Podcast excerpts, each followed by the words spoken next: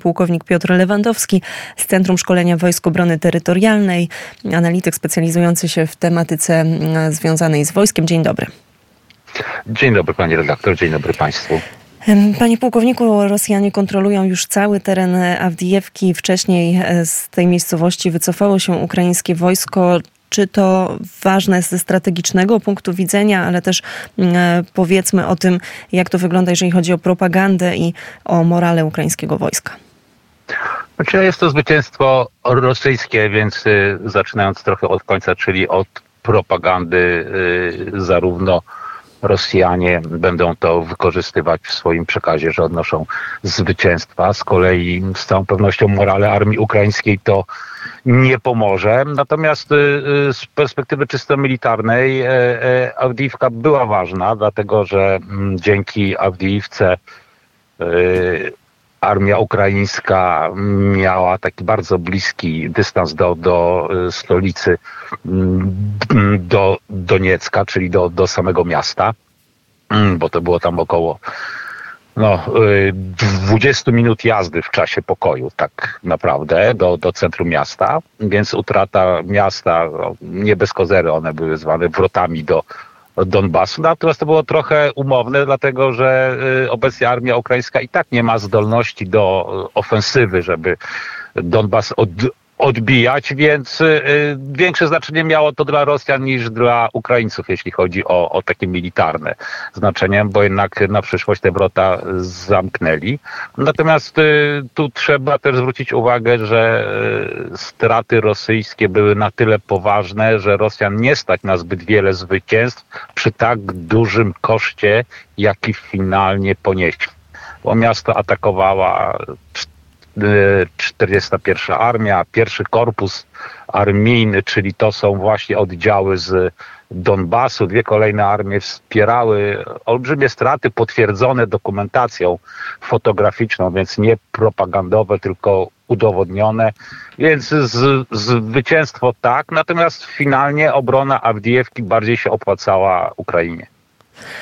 W takim razie teraz na moment już odejdźmy od e, samego frontu, spójrzmy na e, Europę, a konkretnie na Polskę. Dzisiaj do szczecińskiego portu, e, w szczecińskim porcie tak naprawdę wylądowało około 90 pojazdów NATO. Można powiedzieć, że to pewna demonstracja swoich możliwości. To też największe od czasów zimnej wojny manewry NATO. Jaki sygnał i jak możemy je odczytywać, jaki sygnał płynie do Rosji? Myślę, że to jest y, pokazanie y, jakby zaangażowania y, strony amerykańskiej. Natomiast nie bez kozery Amerykanie mówią i mówią prawdę, że przede wszystkim obrona e, wartości zachodnich w Europie należy do Europy. Armia amerykańska nie ma zdolności takich, jakich w czasie zimnej wojny. No, dla porównania e, mogę podać, że w najbardziej tym takim mm, e, najintensywniejszym okresie zimnej wojny armia amerykańska utrzymywała na teatrze europejskim około 10 dywizji.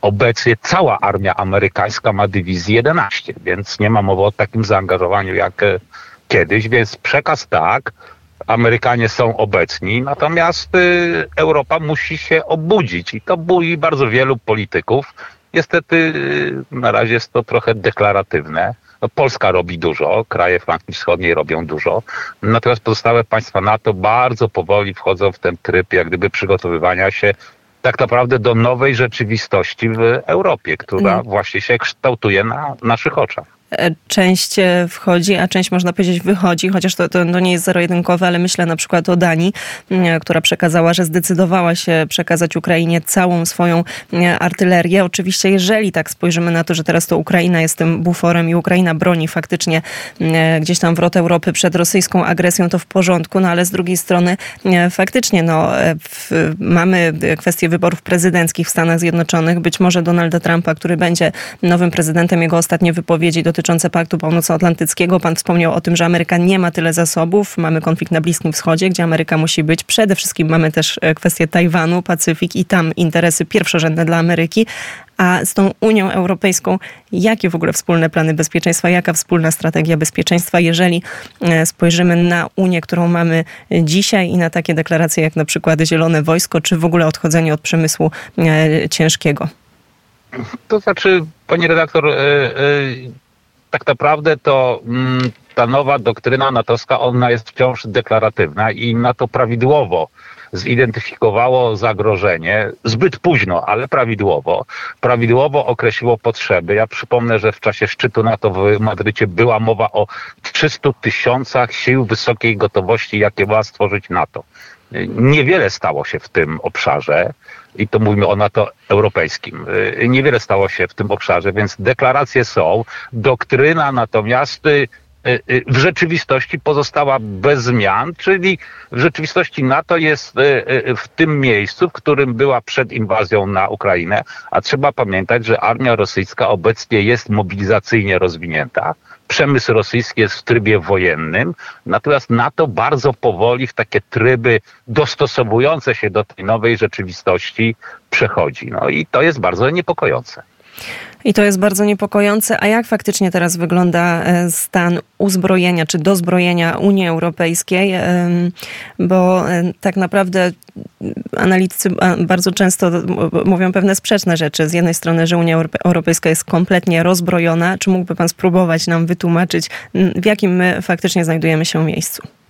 Czy nie jest kompletnie rozbrojona, bo ma olbrzymią przewagę technologiczną i to jest fakt. I e, nawet y, y, ta europejska część NATO, czy powiedzmy Unia Europejska, zdolności jej w sferze sił powietrznych, y, w sferze zdolności morskich, rażenia rakietowego, one są zauważalnie wyższe od Rosji, nawet po tym mobilizacyjnym rozwinięciu. Natomiast pozostaje kwestia amunicji, czyli uzupełniania szybkiego tego, co zostałoby z użyte w sytuacji pełnoskalowego konfliktu, a poza tym wojska lądowe tej części europejskiej NATO to są w dużej części wojska ekspedycyjne, które przez ostatnie 20 lat tworzono raczej z myślą o walce na Bliskim Wschodzie niż walce z Rosją, chociaż celem NATO tak naprawdę zawsze była walka z kiedyś Związkiem Radzieckim, a, a obecnie jej, nazwijmy to, beneficjentem, czyli Federacją Rosyjską. Problem jest wojska lądowe, a żeby mieć wojska lądowe potrzeba ochotników. Żeby mieć ochotników potrzeba ludzi gotowych do walki w obronie swoich ideałów. A na to z tym jest różnie. Bodajże chyba badania, nie pamiętam, Holendrów czy Duńczyków, tak, 15% e, społeczeństwa gotowe jest podjąć walkę w obronie, no tak, tak naprawdę swojego stylu życia. No to wygląda słabo, prawda? To wygląda słabo, a dla kontrastu powiedzmy, jak to wygląda z perspektywy rosyjskiej. Tutaj pytam e, o zasoby ludzkie konkretnie i o e, kwestię mobilizacji. Znaczy Rosjan nikt o zdanie nie pyta i oni są do tego po prostu przyzwyczajeni. E, wywiad ukraiński ocenia, że Rosjanie w stanie są miesięcznie powołać do 30 tysięcy ludzi. Myślę, że jest to przesadzone, ale co najmniej 10 10 tysięcy, to jest e, e, taka pewna liczba. Mm, e, zasoby mobilizacyjne rosyjskie, takie przeszkolonych rezerwistów, liczono na, mniej, na nie mniej niż 5,5 pół miliona, plus takich, których mogą szkolić od zera. Poza tym są nowe roczniki. Wojna trwa drugi, drugi rok, więc zdolności rosyjskie są znacząco wyższe.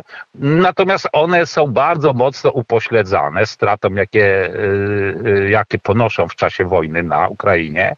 I tak długo, jak długo ta wojna będzie trwała w tym swoim gorącym obrazie, tak długo Europa zagrożona nie będzie. Stąd po prostu Ukrainę trzeba wspierać, bo, bo to daje Europie czas na przygotowanie się do tego nowego obrazu świata. Tylko ważne, żeby Europa raz Ukrainę wspierała, dwa ten czas rozsądnie wykorzystała, efektywnie w tym nowym obrazie świata możemy kalkulować, że jednak Rosja zdecyduje się na uderzenie na e, państwa, na członków Sojuszu Północnoatlantyckiego, tylko potrzebuje na przykład 3, 5, 7 lat? To zależy, jak się rozwinie konflikt na Ukrainie, tak naprawdę, bo wiemy, że sankcje działają słabo. Wiemy, że Rosja z budżetem nie ma takich problemów, jak zakładano, bo naprawdę po rosyjski gaz i ropę chętnych niestety nie Praktycznie brakuje. gospodarka pozostała niezachwiana. To wiemy Tak, niestety dwa lata po rozpoczęciu tak. wojny i wiemy, że prowadzi e, też no, gospodarkę wojenną. To jest kolejna rzecz. Dokładnie tak, dokładnie tak. I teraz Rosja w tych trybach wojennych, ja nie widzę powodów, dla których y, jeżeli ten konflikt na Ukrainie już mniejsza z tym, y, w jakim miejscu, ale zostanie zamrożony trwale, no to jest wysoce prawdopodobne, że Rosja te zdolności, które e, e, olbrzymimi kosztami mimo wszystko rozbudowywała, ona je wykorzysta i przekieruje po to, e, nie atakując NATO, tylko po to, żeby doprowadzić do rozbicia NATO, tak? Czyli poprowadzić w taki sposób operację hybrydową, a finalnie militarną, żeby doprowadzić do rozbicia spójności NATO. I to, to będzie celem Rosji, myślę. Wspomniał Bo pan. NATO jako całością, no, no Rosja na wojnę nie pójdzie, dlatego że mimo wszystko takich zdolności nie ma i ze względu na olbrzymią różnicę w zasobach e, wszystkich, tak, z ludzkimi włącznie jednak, Rosja jest liczna, ale nie aż tak, mimo wszystko z całym NATO nie jest w stanie e, spójnym NATO, tak, wygrać. Więc rozbicie NATO, po prostu, cel. Cel to rozbicie NATO. Wspomniał Pan na początku swojej wypowiedzi no, o takim niezbyt pozytywnym scenariuszu, jeżeli chodzi o całą Unię Europejską, ale powiedział Pan o tym, że Polska tutaj jest takim przykładem, który e, faktycznie e, ro, robi dużo. Jakie my wyciągnęliśmy e, wnioski z tych dwóch lat wojny na Ukrainie jak obecnie wygląda nasze przygotowanie do, no, do ewentualnego takiego ryzyka, że, że Polska też mogłaby być krajem zaatakowanym przez Rosję i trochę też pytam no, o te rzeczy, które mm, zostały zapoczątkowane przez e, jeszcze e, poprzedni rząd. Czy wszystko wskazuje na to, że będą kontynuowane e, teraz? Znaczy, od końca może odpowiem. Tak, wszystko wskazuje na to, że mm, ro- rozbudowa polskich sił zbrojnych będzie kontynuowana. Za wcześnie jest mówić, jak finalnie to będzie wyglądało, ale przekaz jest jasny, że tak. e, e, Ostatnio pojawiła się nawet liczba już nie 300 tysięcy, a 450 tysięcy żołnierzy w Polsce e, w różnym stopniu gotowości, tak, ale więc nawet liczba wzrosła.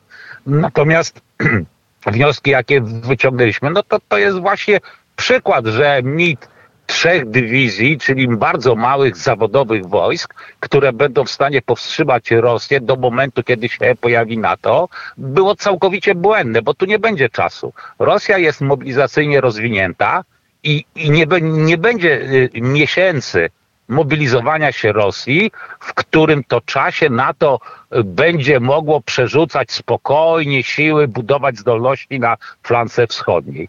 Więc y, musimy mieć silną armię, musimy mieć armię zdolną do mocnej odpowiedzi i musimy budować mocne sojusze y, też na, na flance wschodniej. No, Polska jest największym państwem flanki wschodniej i, i uważam, że powinna być y, mm, takim y, y, liderem, ale w sensie takim, że powinna najgłośniej mówić y, y, y, odnośnie potrzeby budowy rzeczywistych zdolności obrony y, y, granicy NATO, bo to nie jest tylko granica Polski, Litwy, Łotwy, Estonii. To są granice NATO, więc całe NATO powinno obronić ich.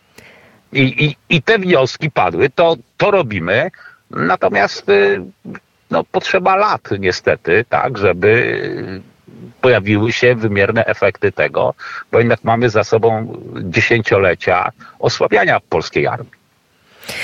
Ale rozumiem, że takim pozytywem jest to, że e, ta świadomość już jest. E, Polska e, armia cały czas się rozwija, także mamy zakupy nowego sprzętu i to jest pewien dobry prognostyk i w tym momencie postawmy kropkę. Bardzo serdecznie dziękuję. Pułkownik Piotr Lewandowski z Centrum Szkolenia Wojsk Obrony Terytorialnej był gościem Radia Wnet. Dziękuję za rozmowę. Dziękuję, kłaniam się.